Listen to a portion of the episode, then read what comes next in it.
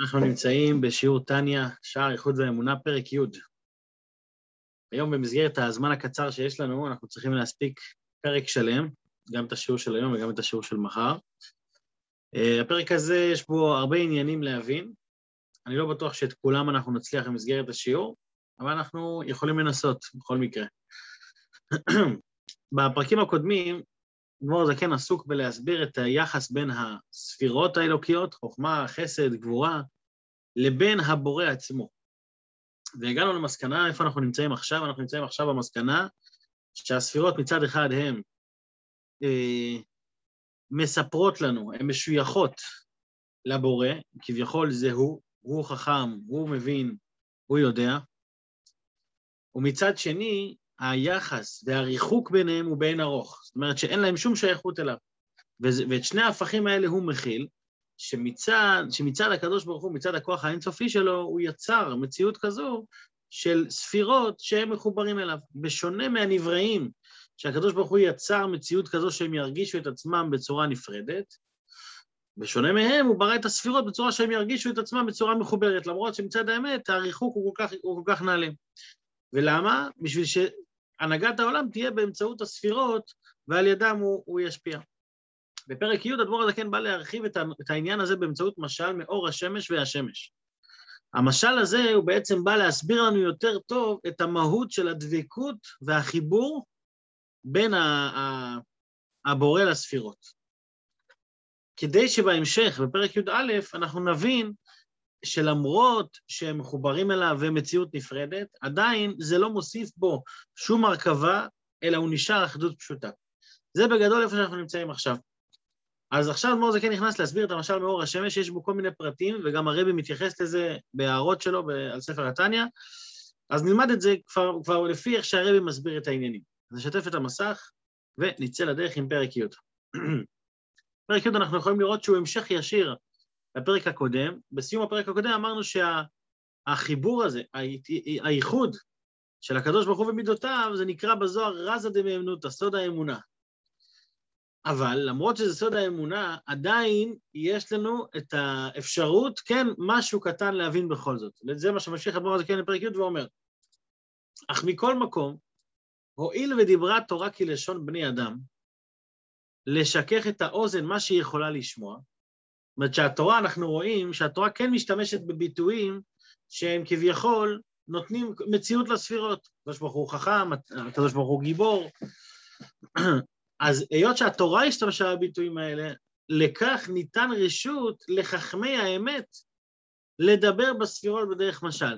מי זה חכמי האמת? חכמי האמת זה אה, המקובלים שלמדו את תורת הקבלה, והעבירו את זה מדור לדור כמובן, נותנים לנו את היכולת מה נותנת לנו תורת הקבלה? היא נותנת לנו את האפשרות להשיג ולהבין את הספירות. בכלל, המקובלים בעיקר התעסקו בעניין של ספירות. אם מסתכלים בספרי המקובלים השונים, אנחנו רואים שהם תמיד התעסקו עם, עם ספירות ועולמות, זה, זה ההתעסקות. למה? כדי לתת לאדם את היכולת להתחבר למושגים האלה של ספירות אלוקיות, שהם בעצם, ה, ה, אם אפשר לקרוא לזה הממוצעים, הם בעצם ה, ההשתלשלות מהבורא לנברא. אז כשחכמי האמת, שחכמי הקבלה דיברו על הספירות, איך הם קראו לספירות באופן כללי, בדרך משל, וקראו אותן אורות. הם קראו לספירות אורות. ספיר, ספירה זה גם מלשון אבן ספיר, אבן מהירה. עכשיו, כל ספירה, אם זה חוכמה, אם זה חסד, כל ספירה היא מורכבת בעצם מאור וכלי. האור זה המהות של הספירה, הנשמה של הספירה, והכלי זה הביטוי של הספירה, זאת אומרת, ההגבלה שלה. אז בגדול זה מורכב מאור וכלי, אבל עדיין אנחנו רואים שהספירות באופן כללי נקראים בשם אורות.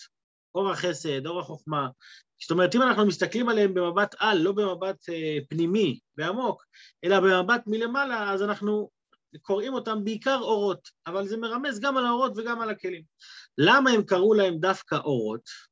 זה, כאן בפרק הזה אדמור זקן מתייחס לזה. למה קוראים לספירות אורות? כדי שעל ידי המשל הזה יובן לנו קצת עניין הייחוד של הקדוש ברוך הוא ומידותיו. למה קוראים לספירות אור? זה גם בדרך משל. למה זה בדרך משל? כדי שאנחנו נוכל להבין, כמו שאנחנו מבינים מה זה אור, ואנחנו מבינים את היחס של אור כלפי המאור שלו, שבמוצגים שלנו זה אור השמש והשמש, אז כשאנחנו מבינים את היחס בין אור לבין מאור, אז אנחנו נוכל להבין גם את היחס בין הספירות כלפי הקדוש ברוך הוא. זאת אומרת, שוב, למה הספירות נקראות אור? בגלל שהיחס בין הספירות לבין הקדוש ברוך הוא זה כמו היחס שבין אור כלפי מאור. אני ארחיב על זה תכף, כשנגיע לזה במילים, אני ארחיב על זה שוב, כדי להבין את זה יותר טוב. ממשיך אדמו"ר זקן ואומר שהוא בדרך משל כאין ייחוד אור השמש שבתוך גוף כדור השמש עם גוף השמש שנקרא מאור. דיברנו כמה פעמים על המושג של אור ו- ושמש. האור כשהוא יוצא מהשמש, כבר יש לו מציאות כביכול נפרדת. אבל על אור יש כלל שאומר, אור הוא מעין המאור והוא דבוק במאור. האור תמיד תלוי במציאות של השמש. עכשיו, אם אנחנו ניקח את האור הזה ונלך חזרה למקור שלו, לשמש, אז מצד אחד בתוך השמש אין לו שום מציאות עצמאית משל עצמו. זה בתוך גוף כדור השמש. אבל מצד שני, איך אני קורא לשמש ביחס לאור? אני קורא לו מאור. איך אני יודע שקוראים לו מאור? הדבר הזה כן לא אומר סתם שקוראים לו מאור, אלא התורה קוראת לו מאור, כמו שכתוב, הנה תראו בסוף השורה, כמו שכתוב, את המאור הגדול וגומר. זאת אומרת, השמש לא קוראים לה רק שמש, אלא קוראים לה מאור. למה קוראים לה מאור? כי היא מבטאת את זה שהמאור הוא מקור לאור. במילים אחרות, אם עד היום הבנו שכשהאור נמצא בגוף השמש אין לו שום מציאות, כאן אנחנו כבר מבינים דבר טיפה שונה. מה אנחנו מבינים? שאומנם אין לאור מציאות, אבל האור, החיבור שלו עם המאור הוא חיבור כל כך גדול. למה הוא חיבור כל כך גדול? מכיוון שהשמש מלכתחילה נקראת מאור, זאת אומרת שבתוכה נמצא הפוטנציאל להביא אור. הרי למה הדבר ייקרא מאור אם לא יגיע ממנו אור? מאור זה מקור האור. אז זה שהוא מקור האור, מגיע ממנו אור. למה האדמו"ר הזה כן הביא את המשל הזה? לא בשביל להסביר לנו עד כמה לאור אין שום מציאות, אלא בשביל מה? בשביל להסביר לנו עד כמה האור מחובר עם המאור. זו נקודה אחרת לגמרי. בכל הפעמים הקודמות שדיברנו על אור השמש ושמש, אם זה למשל בפרק ג', שם דיברנו שלאור אין שום חשיבות והוא בטל במציאות לגמרי ואין לו כלום, כלום, כלום. אין בעיה. זה לא העניין שמבואר כאן. כאן הוא רוצה להשיג נקודה אחרת. מה הוא רוצה להשיג? את העניין של מאור. לא השתמשנו בביטוי מאור בפעמים הקודמות, כי זה לא היה העניין, העניין היה ביטול של השמש, של האור לשמש. כאן העניין זה לא ביטול האור לשמש. זה לא שולל את ביטול האור לשמש, אבל העניין כאן זה להבין את החיבור של האור לשמש, את הדבקות של האור עם השמש. מהי הדבקות של האור עם השמש? האור הוא דבוק במאור שלו. עכשיו, זה, למה, למה, זה ההסבר שהרבי מסביר. למה הרבי מסביר את זה? כדי ש, כדי שנבין פה, בלי ההסבר הזה, אז אנחנו קצת בבעיה. מה, מה אתה מייחס לי פה את האור לשמש? הרי בתוך השמש אין פה בכלל אור, אין מציאות של אור, האור לא קיים בכלל. אז מה הקשר פה לעניין שלנו? כאן בעניין שלנו אדמו"ר הזקן רוצה להסביר, מה הוא רוצה להסביר? את הקשר בין ספירות לבין הקדוש ברוך הוא. עכשיו, להסביר למה הספירות בטלות לקדוש ברוך הוא אנחנו לא צריכים להסביר. כבר זה הוא הסביר בפרק ח' וגם בפרק ט', שהחוכמה כמו הערך, הריחוק הערך בין חוכמה למעשה, כך והרבה יותר מזה, ריחוק הערך בין חוכמה לבין הבורא. אז לא צריך להסביר עד כמה זה בטל, זה שום דבר, זה כלום. כאן אנחנו רוצים להדגיש נקודה אחרת. מה הנקודה האחרת? שהאור דבוק במאור. שהמאור כמקור לאור הוא חלק אחד איתו. זאת אומרת, הספירות, מה היחס שלהם כלפי הקדוש ברוך הוא? היחס שלהם זה יחס של דבקות. אבל זה מכניס אותנו באמת לבעיה העניין הזה. למה זה מכניס אותנו לבעיה? כי, כי בשמש, באמת השמש קשורה איכשהו לאור. למשל, אם השמש תרצה מחר להשפיע מים, היא יכולה להשפיע מים? לא, היא יכולה להשפיע רק אור. השמש היא קצת מוגבלת, זה נקודה אחת. נקודה שנייה, השמש היא גם מוכרחת להעיר. אני לא יכול להגיד, היום הוא רוצה להעיר, מחר הוא לא... זה לא תלוי ברצונו של השמש. לכן באמת המשל הזה הוא לא משל מדויק. אדמור זקן גם מדגיש את זה. כאין ייחוד אור השמש, היובא לנו קצת עניין הייחוד. זה לא באמת, זה לא באמת מרמז לנו על כל העניין. כי באמת, אצל הבורא זה לא בהכרח. כשהוא רוצה הוא משפיע, וכש, וכשהוא משפיע הוא משפיע מה שהוא רוצה. הוא יכול להשפיע חסד, הוא יכול להשפיע גבורה, הוא יכול להשפיע אש, מים, מה שהוא רוצה. הוא לא תלוי, לכן המשל לא דומה לנמשל. אבל עדיין זה לא מפריע לי לתת את המשל הזה. למה זה לא מפריע? כי אני לא מתייחס פה למציאות של האור לעומת השמש, אלא אני מתייחס פה לדבקות של אור במאור. והיות שחכמי האמת, שהמקובלים, קראו לספירות אורות, למה הם קראו להם אורות? כדי שנבין שיחס בין אור למאור זה יחס של דבקות, והיחס בין ספירות לבין הקדוש ברוך הוא זה יחס של דבקות, הם דבוקים בו והם כלולים בו והם נמצאים, הם דבר אחד איתו, נכון שהם בטלים במציאות, נכון שהם שום דבר וכלום, אבל עם כל זה, זה, זה אור שלו. כשאתה, כשבן אדם רואה אור, הוא ישר רואה את השמש, הוא לא רואה את השמש כי הוא רחוק מהשמש, אבל הוא מבין שיש פה שמש. כש, כש, כשאור החוכמה מאיר, מי מאיר? הקדוש ברוך הוא מאיר, אבל הוא מאיר דרך אור החוכמה. טוב, זו נקודה, הרחבנו טיפה, בואו נמשיך. כמו שכתוב המאור הגדול וגומר. והזיו, אני ממשיך לקרוא פה שלוש שורות מלמטה, והזיו והניצוץ המתפשט ומאיר ממנו, מהשמש, נקרא אור. גם פה הוא מביא פסוק מהתורה. למה הוא מביא פסוק מהתורה? כי ההגדרות האלה הן הגדרות של תורה. זה לא רק הגדרות פילוסופיות, זה הגדרות שהתורה מגדירה. כמו שכתוב, ויקרא אלוקים לאור יום. למה אלוקים קורא לאור יום, שזה אגב האור שנברא ביום הראשון, שזה לא האור הרגיל, הוא נגנז, נגנז אחר כך בתורה, אבל למה הוא קורא לאור יום? כי מה זה, מה זה אור? אור זה גילוי. יום, יום זה עניין של גילוי. עכשיו האור מתגלה, האור עכשיו יוצא.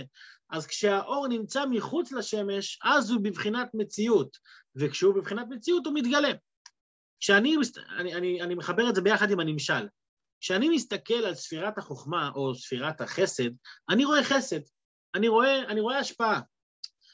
לא תמיד אני רואה את הקדוש ברוך הוא שם, כי אני נברא, מוגבל, לא יכול לראות את, ה, את הפנימיות של הדבר. אז, אותו, אז זה, לכן זה נקרא אור, כי האור כשהוא מחוץ למאור הוא נראה כמציאות נפרדת. לכן אור נקרא יום, הוא נקרא גילוי. וברגע ש, ברגע שהאור לא מתגלה, אז הוא כבר לא יכול להיקרא יום, הוא כבר לא נקרא גילוי. אז הוא נקרא כבר חושך, אז, אז, אז הוא כבר כלול במקורו, ואין לו באמת שום מציאות עצמאית. בואו בוא נראה את זה בפנים, וכשהאור הוא במקורו בגוף, בגוף השמש, הוא מיוחד עמו בתכלית הייחוד, כי אין שם רק עצם אחד שהוא גוף המאור המאיר. אין בו מציאות, אין לאור מציאות עצמאית בתוך המאור, אלא כל מציאותו היא מציאות של המאור, אבל עדיין ההדגשה פה היא לא על זה שהוא כלום. ההדגשה פה היא על זה שהוא עצם אחד. ההדגשה היא על זה שהוא חלק ממנו. נכון שהוא בטל, אבל הוא אור של המאור. כשהמאור ירצה להעיר בחוץ, הוא יעיר בחוץ. כי הזיו והאור שם עצם אחד ממש עם גוף המאור המאיר, ואין לו שום מציאות כלל בפני עצמו. אז זה המשל, זה המשל מאור השמש. אגב, אה, ידוע שיש... אה, אה, כשהרבי כתב מפתח, מפתחות לספר התניא. מפתחות זה, כשאתה רוצה לחפש נושא מסוים, אתה הולך בסוף הספר, אז כתוב לך שם איפה תמצא כל נושא. אז המשל הזה של אור השמש מופיע כמה פעמים בתניא, האדמו"ר הזה כן, לא מציין לכל המקומות, סליחה, הרבי, כשהוא כתב את המפתח, אז הוא דייק בכל מילה גם במפתח שלו.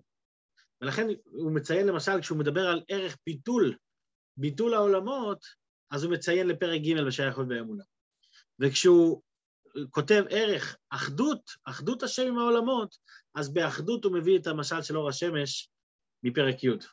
הוא שם כל אחד בהגדרה אחרת, כי באמת המהות של המשל פה בפרק י' הוא בא להסביר עניין אחר. כשאנחנו מדברים על אור השמש, בכלל, כשמדברים על אור השמש והשמש, בדרך כלל מדברים על הביטול של האור בשמש. פה אנחנו לא מדברים על הביטול, פה אנחנו מדברים על האיחוד וההתאחדות והדבקות שבין האור לשמש. זה המשל. עכשיו הנמשל, בואו כן מגיע לנמשל. וכדברים האלה ממש, ויותר מזה, הן מידותיו של הקדוש ברוך הוא, ורצונו וחוכמתו, בעולם האצילות, עם מהותו ועצמותו כביכול. שהקשר בין הספירות לבין מהותו ועצמותו כביכול, המתלבש בתוכם, כביכול הוא, הוא נמצא בתוך אותם הספירות, הוא מתייחד עמהם בתכלית הייחוד. הוא, הוא, אחד, הוא אחד ממש איתם. למה הוא מתאחד מהם בתכלית הייחוד? כאן הוא חוזר לנקודה שהוא הבהיר בפרק ט', מאחר שנמשכו ונאצלו מאיתו יתברך, כמו שאמרנו שהוא מקור להם. מה זאת אומרת שהוא מקור להם? שהוא קבע. מה זה נמשכו ונאצלו? שהוא קבע שיהיה מציאות כזו, שהוא קבע שתהיה מציאות כזו של ספירות שמחוברות אליו. יש נקודה שמסבירים אותה כאן. הרי כל דבר שקורה כאן בעולם, בצמצומים שלנו, בכל הדברים שאנחנו מבינים, זה, זה, זה, זה בכוונת מכוון של הקדוש ברוך הוא שכך הוא ברא את הדברים. כמו שאמרנו עם, הגבור, עם החסד והגבורה, השילוב של מידת הגבורה עם מידת הגדולה, שיוצר לנבראים את המציאות שהם, עצ... שהם מרגישים את עצמם כמציאות נפרדת. אז כאן, כשהקדוש ברוך הוא בעצם ברא את העולמות, יצר את העולמות, הוא בעצם יצר פה שני סוגים כלליים של מציאות. סוג אחד של מציאות זה מציאות של הנבראים. סוג שני של המציאות זה מציאות של הספירות. מה ההבדל בין מציאות הנבראים למציאות הספירות? שניהם הם מציאות כביכול חיצונית ממנו. אבל הנברא, בן אדם רגיל, פשוט, לא עכשיו מלאכים. בן אדם נברא רגיל, מרגיש את עצמו למציאות עצמאית. אני מרגיש כאילו אני משהו, כאילו מציאותי מעצמותי, ככה זה נאמר. למה אני מרגיש את עצמי למשהו? כיוון שהקדוש ברוך הוא בחר שאני ארגיש את עצמי כמציאות נפרדת, ומאיפה זה מגיע? הכוח לבן אדם להרגיש ככה מגיע מעצמותו של הקדוש ברוך הוא, שהוא יכול לחבר חסד וגבורה ביחד. אז בגלל שהכוח האלוקי מגיע מה, מעצמותו של הקדוש ברוך הוא, לכן האדם מרגיש את עצמו כמציאות נפרדת. במילים אחרות, זה שאני מרגיש את עצמי קיים, זה מהכוח האלוקי של האינסוף שקיים. זה, מה, זה בא לבטא את, ה, את המציאות של הבורא בעולם. איפה זה מתבטא? בהרגשה שלי. זה אחד. הנקודה השנייה זה הספירות. מה הספירות? הספירות נקראים אור כי הם מעין המאור. הם לא מדגישים את מציאותו מעצמותו, הם מדגישים שמציאות האור הוא מהמאור. הם מדגישים שיש להם, שהם מרגישים דבקות. אני מרגיש שאני דבק במקור שלי, הם מרגישים את מקורם כל הזמן. אנחנו לא מרגישים את מקורנו, אנחנו מרגישים שאנחנו מציאות עצמאית. הם מרגישים את המקור שלהם. ומהו המקור שלהם? כביכול מהותו ועצמותו. ולכן היחס והערך בין הספירות, בין הספירות לנבראים, זה גם יחס של בן האור. אבל שניהם ביחד, כל אחד מקבל את המהות שלו מרמת החיבור ועוצמת הקשר שלו עם המקור שלו. לא, זה נקודה קטנה. כל הדברים האלה אפשר להרחיב ולהעמיק, אבל זה נקודות למחשבה שאפשר לעיין אחר כך. אז בואו נחזור חזרה למשל שלנו. אז הוא אומר, בגלל שהם, מאחר שהם נמשכו ונאצלו מאיתו יתברך, אז לכן יש להם את המציאות הזאת שהקדוש ברוך הוא מתייחד בתוכם ומתגלה דרכם. על דרך משל, כדרך התפשטות האור מהשמש. אך לא ממש בדרך זה. שוב, הוא מדגיש כאן שהמשל לא באמת דומה לנמשל לגמרי. רק בדרך רחוקה ונפלאה מהשגתנו, כי גבהו דרכיו מדרכנו. אז למה בכל זאת הוא משתמש במשל הזה?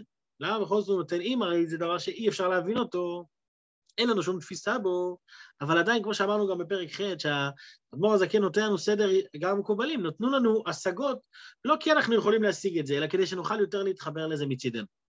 ומכל מקום, לשכך האוזן, נשמע ונתבונן ממשל אור השמש המיוחד ובטל במקורו, ואינו עולה בשם כלל בפני עצמו, רק שם המקור לבדו.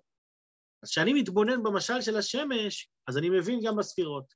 כך כל מידותיו של הקדוש ברוך הוא, ורצונו וחוכמתו אינן עולות ונקראות בשמות אלו כלל, אלא לגבי הנבראים עליונים ותחתונים, שהווייתם וחיותם והנהגתם, שהקדוש ברוך הוא מהווה ומחיה אותם ומנהיגם, וברצונו וחוכמתו ובינתו ודעתו, המתלבשות במידותיו הקדושות.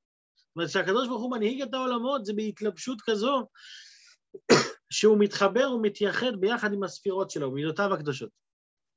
שימו לב שזה, ההנהגה היא על ידי כוחות השכל, והכוחות השכל מתלבשים במידות, בספירות, ודרכם הם משפיעים. כמו שאנחנו רואים גם בנפש האדם, שכל דבר מתחיל משכל, ההבנה שלי, כשאני מתחבר לדבר, אני גם מפעיל את הרגש ומתחבר אליו. כדאיתא במדרש, מה כתוב במדרש? בעשרה דברים נברא העולם. בחוכמה, בתבונה ובדעת וכולי. שוב הוא מביא מקור מהתורה. למה האדמו"ר הזה כן מביא מקורות מהתורה? כדי שנבין שהתארים האלה, למה אני קורא לקדוש ברוך הוא בתארים, חוכמה, תבונה? בגלל שזה מופיע בתורה. ברגע שזה מופיע בתורה, אני מבין שיש לזה מציאות אמיתית. בנקודה הזאת, אדמו"ר הזקן נותן לנו חידוש אפילו על פני מה שהרמב"ם כותב. הרי הרמב"ם כותב שאי אפשר להשתמש, בלש... כל מה שהתורה השתמשה בלשונות, זה בשביל אה, לסבר את האוזן, ודיברה תורה כלשון בני אדם, בדרך משל ומליצה. אדמו"ר הזקן אומר, זה לא משל ומליצה. כשהתורה משתמשת בלשון חוכמה, בתבונה, בדעת, או אה, אה, בחסד, בשאר המידות, לא רק בחוכמה, אלא גם בשאר המידות, זה מציאות אמיתית. המציאות האמיתית, לכן זה נקרא אור בתורת הקבלה, כי יש להם מציאות, האור הוא מציאות, הוא לא הוא לא, לא מציאות, אבל כל המציאות שלו זה לגלות את המאור. זאת אומרת, יש לו מציאות, אבל המציאות שלו היא המציאות של מה שמעליו. הספירות, הם לא, אי אפשר, אי אפשר להגיד שהם לא מציאות בכלל, כי הקדוש ברוך הוא נתן להם מציאות. איפה אני רואה? כי זה כתוב בתורה. ואם הקדוש ברוך הוא נתן להם מציאות, אז אני צריך להבין מה המציאות שלהם. מה המציאות שלהם? כמו אור ומאור. המציאות שלהם זה גילוי של המאור, הגילוי של המקור שלהם, שזה הקדוש ברוך הוא בעצמו שמתגלה דרכם. לכן הוא מדגיש פה שוב את הפסוקים מהתורה, כי בפסוקים האלה הוא שולל את דעת הרמב"ם. אם אנחנו זוכרים את המחלוקת שיש לנו בין הרמב"ם למהר"ל, הרמב"ם אומר אה, שהוא שלם במדרגת החוכמה. בשאר הספירות זה רק משל ומליצה. המהר"ל אומר אי אפשר בכלל תארים. אז מצד אחד האדמו"ר הזה כן אומר, תורת החסידות מסבירה שבאמת אי אפשר שום תואר להגיד עליו. מצד שני, כל התארים זה תארים שלו. שום תואר לא מתאים עליו, אבל כל התארים זה תארים אמיתיים, זה מציאות אמיתית של אור, שד... אבל הוא דבוק כל הזמן במקור שלו. אין לו שום מציאות, אבל עם כל זה, כל המציאות שלו היא מציאות של המקור שמתגלה. כן, אמרנו פעם את המשל מהקר... ממקרן שמקרין על קיר. אין באמת מציאות למה שמוקרן על הקיר. אבל מצד שני, אני רואה פה משהו שמוקרן על הקיר. זאת אומרת, אני לא, לא בטוח שהמשל הזה מכוון. אבל לפעמים מביאים משל כדי להכניס את זה יותר לשכל שלנו. אין מציאות, אבל מה שאני רואה הוא מציאות לעיניי שמחוברת כל הזמן למקור שלה. אז זה בעצם הנקודה של אור ומאור, באור השמש. אז עוד פסוקים הוא מביא לנו אדמו"ר הזקן, בעשרה דברים נברא העולם, בחוכמה, בתבונה ובדעת, אה, וכולי, דכתיב, השם בחוכמה יסד ארץ, כונן שמיים בתבונה. בדעתו תהומות נבקעו, אנחנו רואים שיש פה חוכמה, בינה, דעת, לכל דבר יש את העניין שלו. וכמאמר אליהו, אנחנו רואים בפתיחת אליהו, פתח אליהו כתוב, אנטו דאפיקת עשר תיקונים, וקרינן להון עשר ספירן. אתה הוצאת, פיקת, כן? הוצאת עשר תיקונים, עשר לבושים, וקראת להם עשר ספירות. למה? לאנהגא בהון עלמין.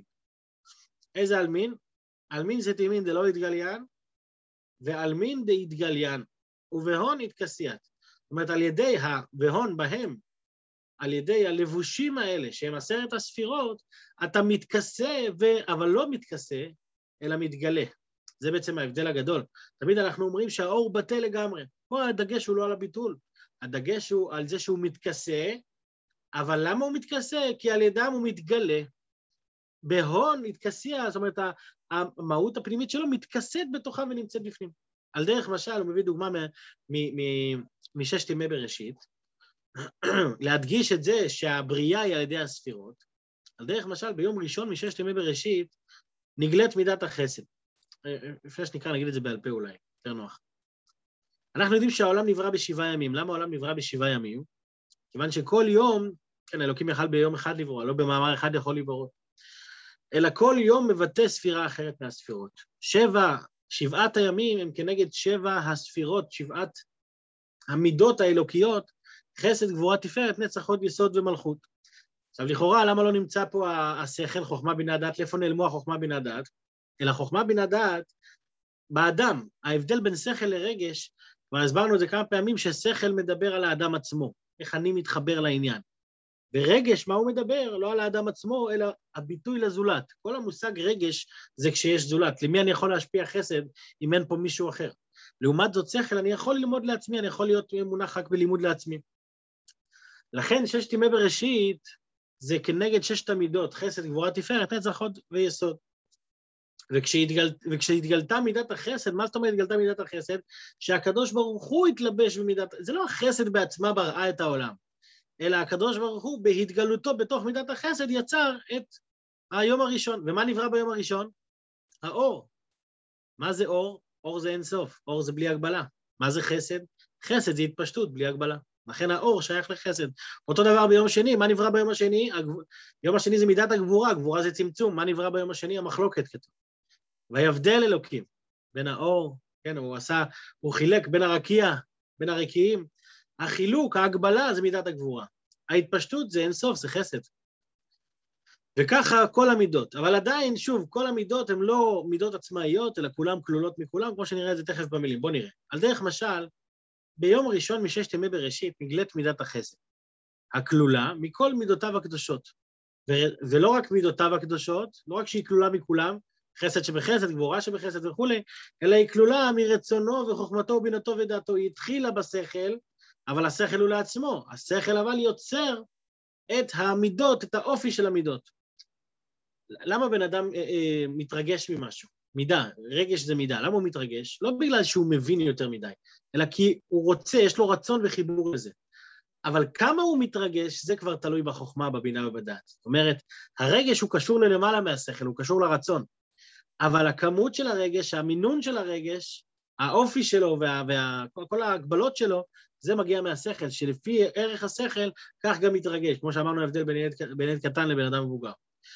בכל אופן, לא ניכנס יותר מדי, כלולה מכל מידותיו הקדושות, ורצונו וחוכמתו ובינתו ודעתו מלובשים בה. הם, מה זאת אומרת מלובשים בה? הם האור שמאיר בתוך המידה הזאת. וברא בה, במידת החסד הוא ברא את האור במאמר יהי אור, שהיא בחינת התפשטות והמשכת האור לעולם מלמעלה, והתפשטותו בעולם מסוף העולם ועד סופו. זה אור, האור שנברא ביום הראשון היה אור בלתי מוגבל, עד שהקדוש ברוך הוא גנז אותו לצדיקים. שהיא בחינת מידת החסד. חסד אמיתי זה חסד בלי גבול. רק מפני שכלולה גם ממידת הגבורה, בגלל שגם בה טמון הגבורה, ולא רק כמידה עצמאית בפני עצמה, לכן לא היה רוחני כאור של מעלה ממש. עדיין הייתה לו הגבלה כלפי האור האמיתי. וגם נתלבש בעולם הזה. עובדה שהאור הזה היה כן בעולם, אמנם העולם לא היה כלי אליו, אבל הוא היה בעולם. שהוא בחינת גבול ותכלית. יש לו, יש לו הגבלות, שהוא מהלך אה, תק' שנה, 500 שנה מארץ לרקיע, 500, כן, הסברנו את זה גם, את המהלכים האלה בליקוטי המרים. זאת אומרת, יש, נכון שזה משהו שהוא גדול מאוד, אבל גדול מאוד אבל עם גבול. הוא ממזרח למערב, ואותו דבר ביום השני. חוץ מהגילוי של היום הראשון, יש לנו גם את היום השני. ביום השני נגלית מידת הגבורה, שהיא כלולה משאר מידות ורצונו וכולי. וברא והרקיע, במאמר יהי רקיע בתוך המים, והיא מבדיל בין מים למים. שמה זה ההבדלה הזאת? שהיא בחינת צמצום וגבורות להעלים מים העליונים הרוחני, הרוחניים ממים התחתונים. ועל ידי זה נתגשמו התחתונים בהיבדלם מהעליונים. אבל שוב, זה לא גבורה עצמאית, זה לא גבורה שהיא לבד, גבורה שהיא לבד היא הגבלה אינסוף. אבל פה זה לא הגבלה אינסוף, כי מידת החסד כלולה בה. איך מידת החסד כלולה בה? בגלל שהיא באה לגלות, היא לא באה להסתיר. אז אמנם היא צריכה לצמצם, אבל הצמצום הזה הוא בשביל הגילוי, כמו שכבר דיברנו בהרחבה. ומידת חסד כלולה בה, כי עולם חסד ייבנה. שהכל למה? כדי שתראה היבשה, זה לא סתם צמצום, זה צמצום עם מטרה, עם תכלית.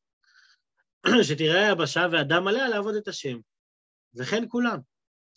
אז בעצם, מה אנחנו רואים? שהספירות האלוקיות שבאים לברוא את העולמות, הם מבטאים מצד אחד את האחדות שלהם עם הקדוש ברוך הוא, שהקדוש ברוך הוא בורא את העולם. מצד שני, הם מכניסים את ההגבלה, אם אנחנו, אפשר להסתכל על זה משני כיוונים.